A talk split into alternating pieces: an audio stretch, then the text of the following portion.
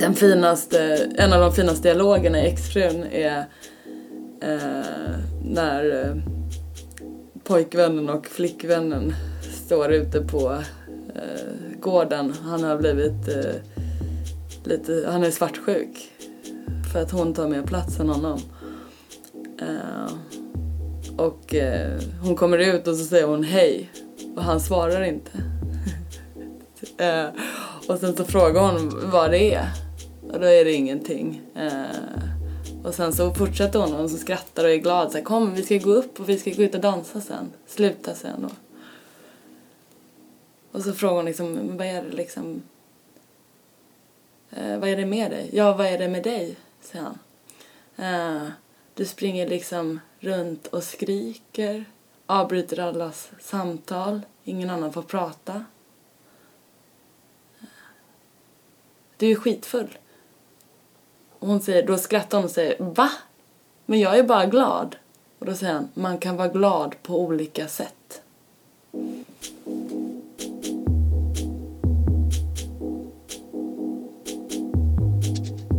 I äkta spåman podcast låter konstnären Linda Spåman tarotkorten leda vägen berättar om framtiden magiska, magiska möten med modiga människor.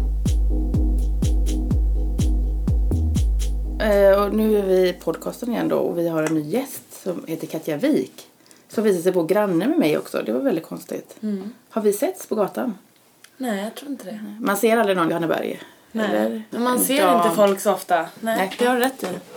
Är du vän med dina grannar? Ja. Men eh, vem är du? Ehm, jag är 28 år, ska fylla 29. Ehm, och har en bakgrund, man kan ju säga att ja, men båda mina föräldrar är skådespelare. Eh, så jag började ganska tidigt att eh, intressera mig för eh, skådespeleri. Ehm, och ville bli teaterkritiker. Och sen så eh, gick jag en ja, men, gymnasieutbildning där jag fick skriva och recensera och sådär. Eh, men sen så eh, flyttade jag till Göteborg och då kom jag i kontakt med Plattformproduktion och eh, började arbeta som eh, rollsättare för Ruben Östlund.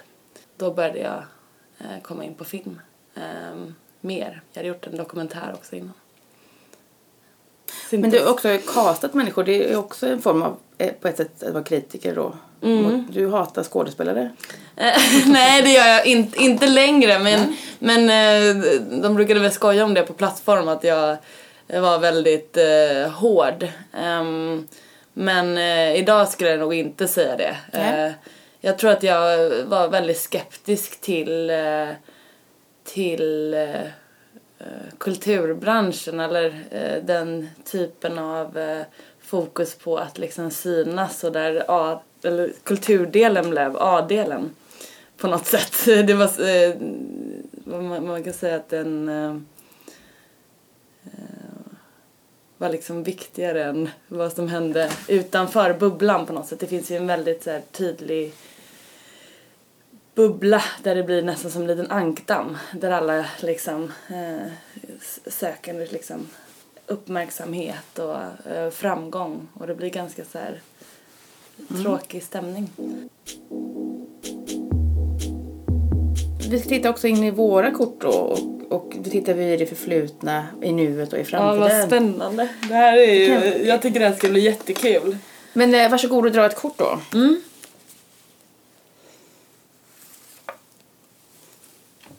Åh, då är det solen. Och solen är ett jättefint kort, ser du? Eller hur? Ja. Att du är i centrum. Har du alltid varit i centrum? Ja, det ska jag nog. Eller, Eller som jag tolkar solen tänker jag det är någon som har stått i centrum, någon som, har, som bländar andra människor.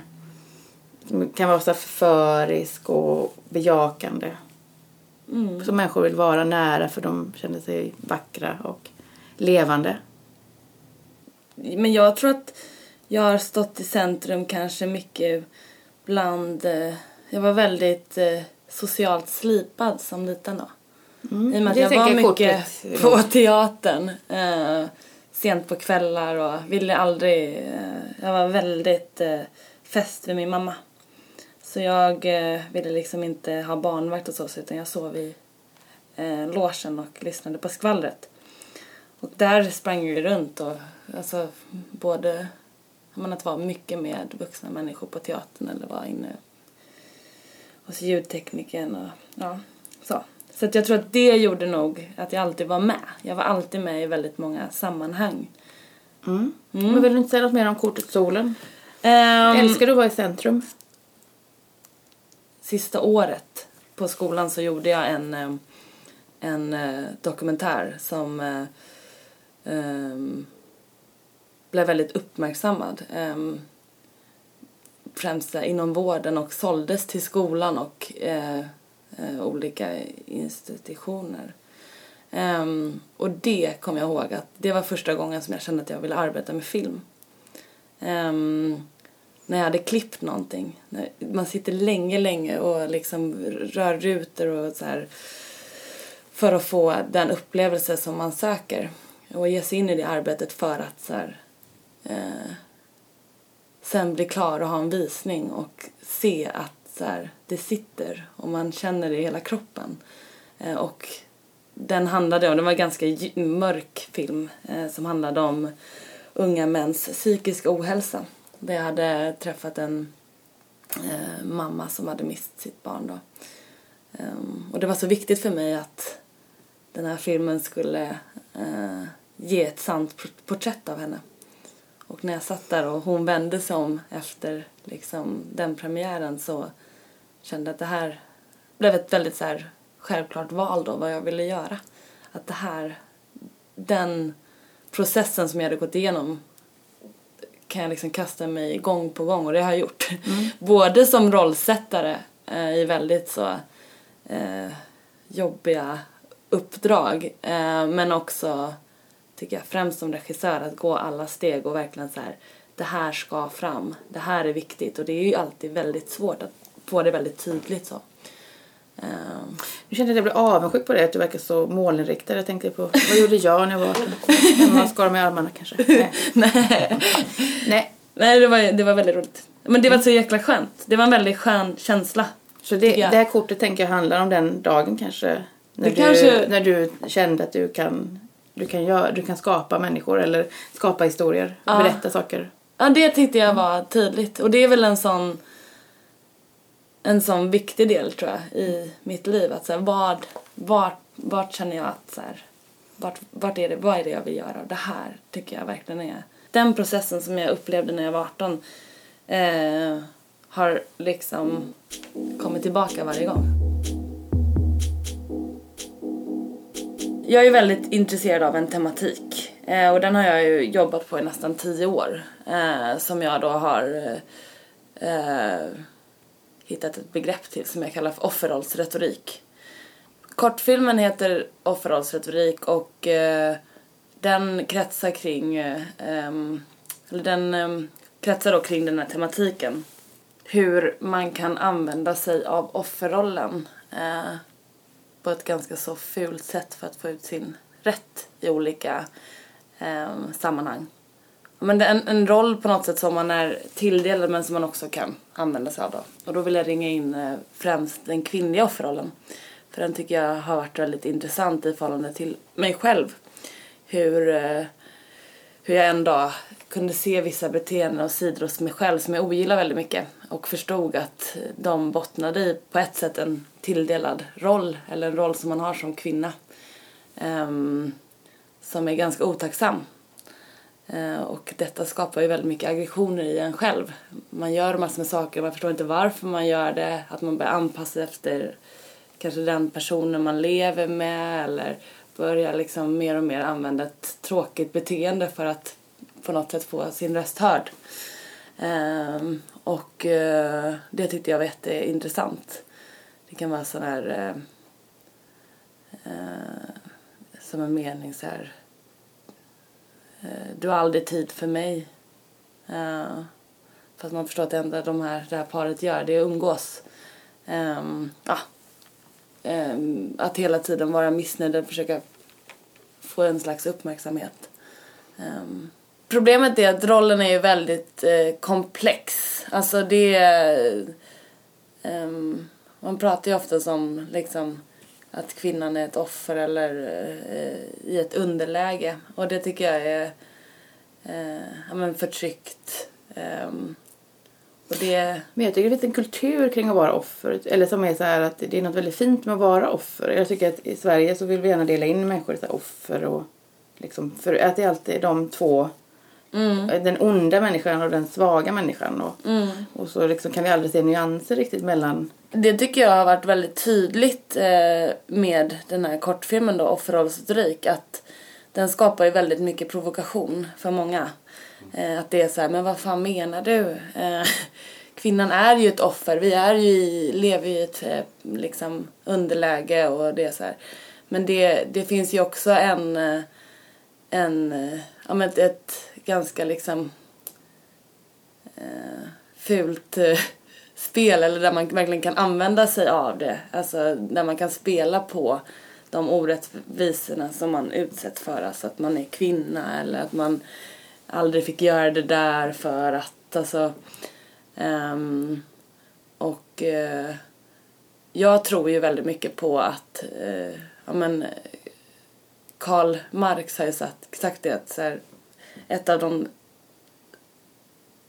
största problemen är hur man ska förklara att underklassen försvarar det system som förtrycker dem. Um, och det tycker jag är väldigt uh, talande för, för offerrollsretoriken. Alltså att man på något sätt är i en roll som är väldigt otacksam uh, och man förväntar sig att högre makt eller de som har högre positioner ska förändra ens egna förutsättningar. Eh, men där jag tror att eh, det kommer aldrig ske. Utan är man i ett underläge så måste man hitta redskap för att själv eh, hitta en ny position. Spännande skulle jag se din film. Ja, den är... Jag, ska, jag har inte hunnit berätta om den än, men Nej. vi får väl... Men vi tittar in i nuet så kanske det, det kanske kommer upp här nu. I nuet. I nuet. Ah! Ja, i nuet är det maktkortet. Och det är ett spännande kort. Eller det, alla kort är spännande säger jag hela tiden. Men eh, makt, man kan väl säga att, det, att du är i full kontroll just nu i ditt liv. Ja. Det känns ju så också tycker jag när du sitter här. ja, Ja. jag skulle nog eh, säga det också. Du liksom, det kommer hända någonting som är väldigt bra för dig alldeles strax. Solen och maktkortet är ganska, de har likheter i färgerna som du ser. De heter båda gula och det är ett kraft, båda två är kraftkort. Fyllda av energi. Men känner du att du har kontroll över ditt liv just nu? Mm. Mm. Mer än eh, vad jag haft på länge. Faktiskt. Ehm, jag tycker att det har varit eh, en ganska om, några ganska omtumlande år eh, faktiskt. Som har varit ganska så... eh, Upplevde du att du inte hade kontroll? Eh, inte helt, utan det har varit att jag har kastat mig in i ganska eh, stora projekt. Eh, alltså att skapa ett eget eh, produktionsbolag.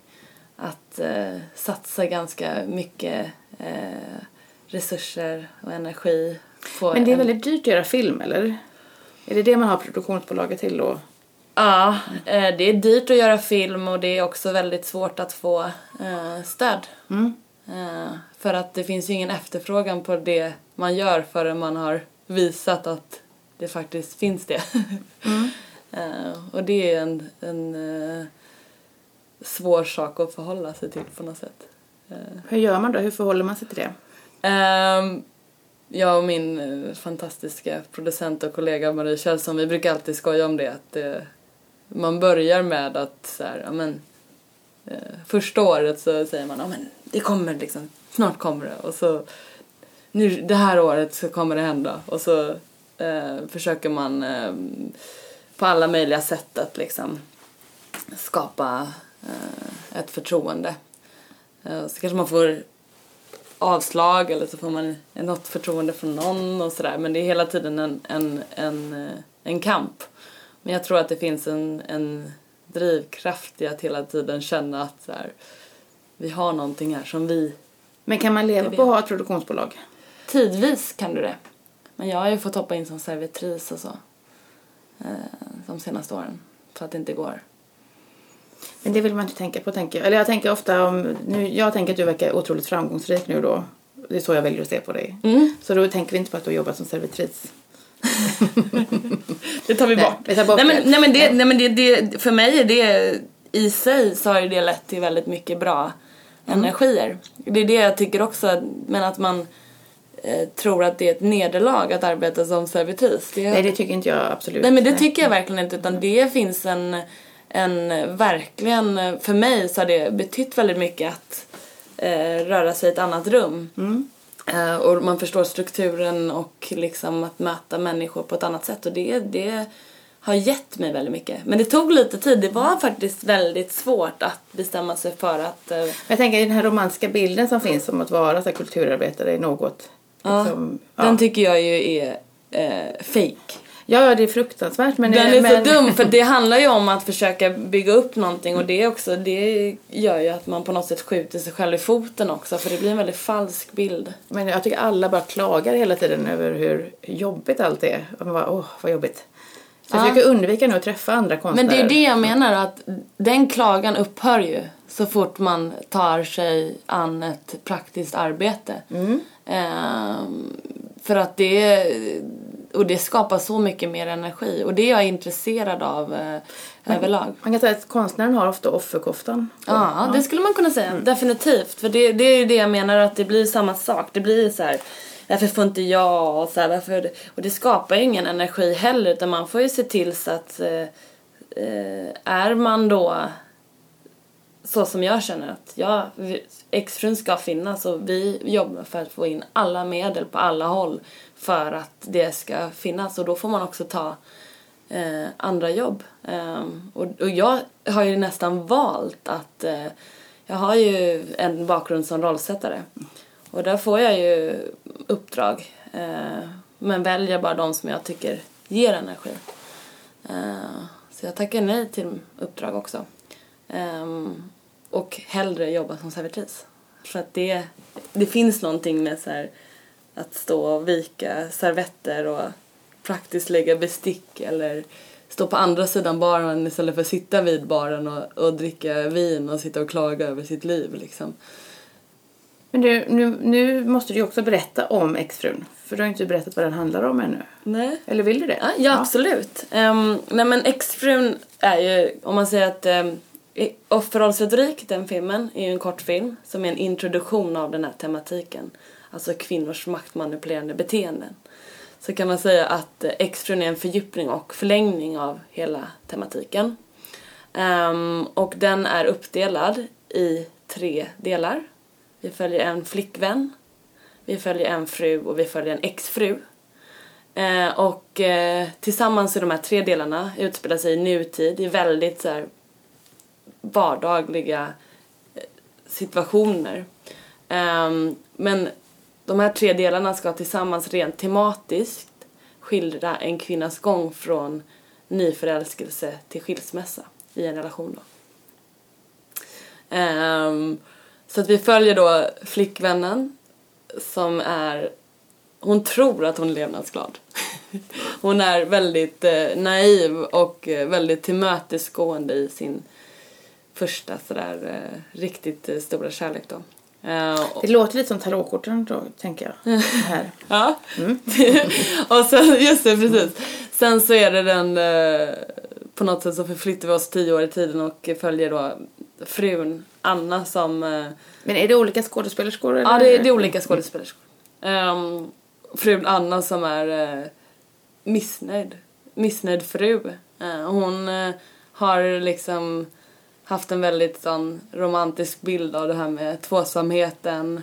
Eh, känt sig stressad över att men nu är jag närmare 30, nu ska jag ha barn, nu ska jag ha det här, nu ska jag ha det här livet och liksom att också så här utåt sett vara lyckad eh, och är tillsammans med sin man Jesper då. Eh, och de har två barn tillsammans och där har livet blivit en väldigt eh, tråkig situation på något sätt där de här två, det här paret på något sätt har börjat eh, de har på något sätt skapat den familj som de valde att flytta ifrån. De har på något sätt skapat också en slags syskonliknande relation där man kan där man tycker sig ha rätten att behandla varandra hur som helst. Ehm, och där eh, på något sätt hela hennes, liksom det, det är som att ytan bara ligger så här för att hon ska ha kontroll över liksom allting som är hemma. Hon vill också vara den här underbara kvinnan i hans liv och sen så känner hon också att han liksom riktar bort sin uppmärksamhet mer och mer. Så hon har en väldigt tråkig roll. Eh, eh och där är det en 40-årsfest som eh, ballar ur då. I deras redan, redan ansträngda äktenskap. Eh, och sen är det exfrun då. Eh, som spelas av Maria Sundbom och hon eh, eh, lever ett varannat vecka-liv. Eh, och hon ältar, hon ältar hela det här livet som hon på något sätt har gått igenom för hon har inte fått liksom uttrycka sig för så här. Men det började, hon säger det att det, det hade man aldrig trott för 20 år Men sedan. du tycker att kvinnor ska leva i en relation överhuvudtaget? Det låter ju inte som att du tror på åsamheten Jag här. brukar höra det.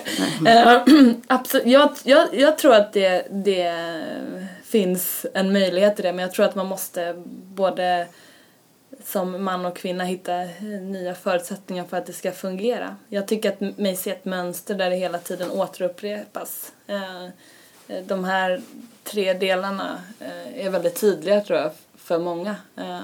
Och jag har märkt att det, det verkar mest jobbigt för dem som är i relationer, hela den här filmen. För den är ju... Men Jag tänker alltid att man, som kvinna måste man kap- kapitulera i en relation och liksom underkasta sig. Jag tänker alltid att mannen vill döda mig alltid Mm. i relationer. Jag vill liksom inte vara eh, nära en man igen på det sättet. Eller jag kan träffa en man men jag vill inte gå in i en relation. Så jag vill liksom inte titta på TV med någon. Jag vill inte Nej. titta på TV-serier med någon. Jag vill Nej, men inte... man kan ju säga så här, eh, jag eh, i Express har jag skildrat alla de här delarna som jag själv, alltså först så trodde jag att jag var flickvännen. Och sen så insåg jag att jag var frun. Men sen så insåg jag att jag var exfrun. Så jag har liksom gått igenom de här på något sätt tre delarna av, men ganska snabbt i så här, shit, eh, det här vill jag aldrig mer eh, gå igenom på något sätt. Men jag vill ändå visa att så här, så här är det. det. Det finns ändå väldigt tydliga liksom Mm. för det är intressant det som du säger då att eh, man på något sätt går in i det väldigt, väldigt mycket och man börjar förändra sig själv och det ställs krav på en som, som eh, Men jag arbetar på en bok nu som kommer i höst som heter, handlar om Lillit, Som är den första kvinnan. Eh, du känner till henne? Gud skapade Lillit och Adam av lera och så var de jämlikar. Men sen så klagade hon så mycket hela tiden och klagade på Adam och, och sen när de hade sex ville hon inte ligga under honom och då blev de ovänner till slut. Och då så sa hon, men jag går hellre ut ur paradiset och då säger Gud, ja men du får aldrig mer komma tillbaks. Och sen så går hon ut och hon ropar Guds namn på det här nötspråk språk.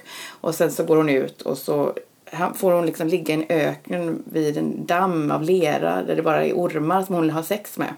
Och föder typ hundra barn om dagen. Så här. Men hon gör hellre det och liksom är lösaktig och en dålig kvinna vid den här dammen än att leva med Adam som var världens tråkigaste man. Och då skapar, han lever ensam i 3000 år.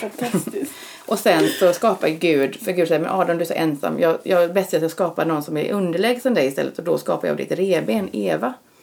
Och då jag tänker hon är den mer fågliga kvinnan då. Medan Lilith är mamman till alla, alla dåliga kvinnor. intressant. Och sen så föder hon en orm som åker in i det paradiset. där är ju, ja.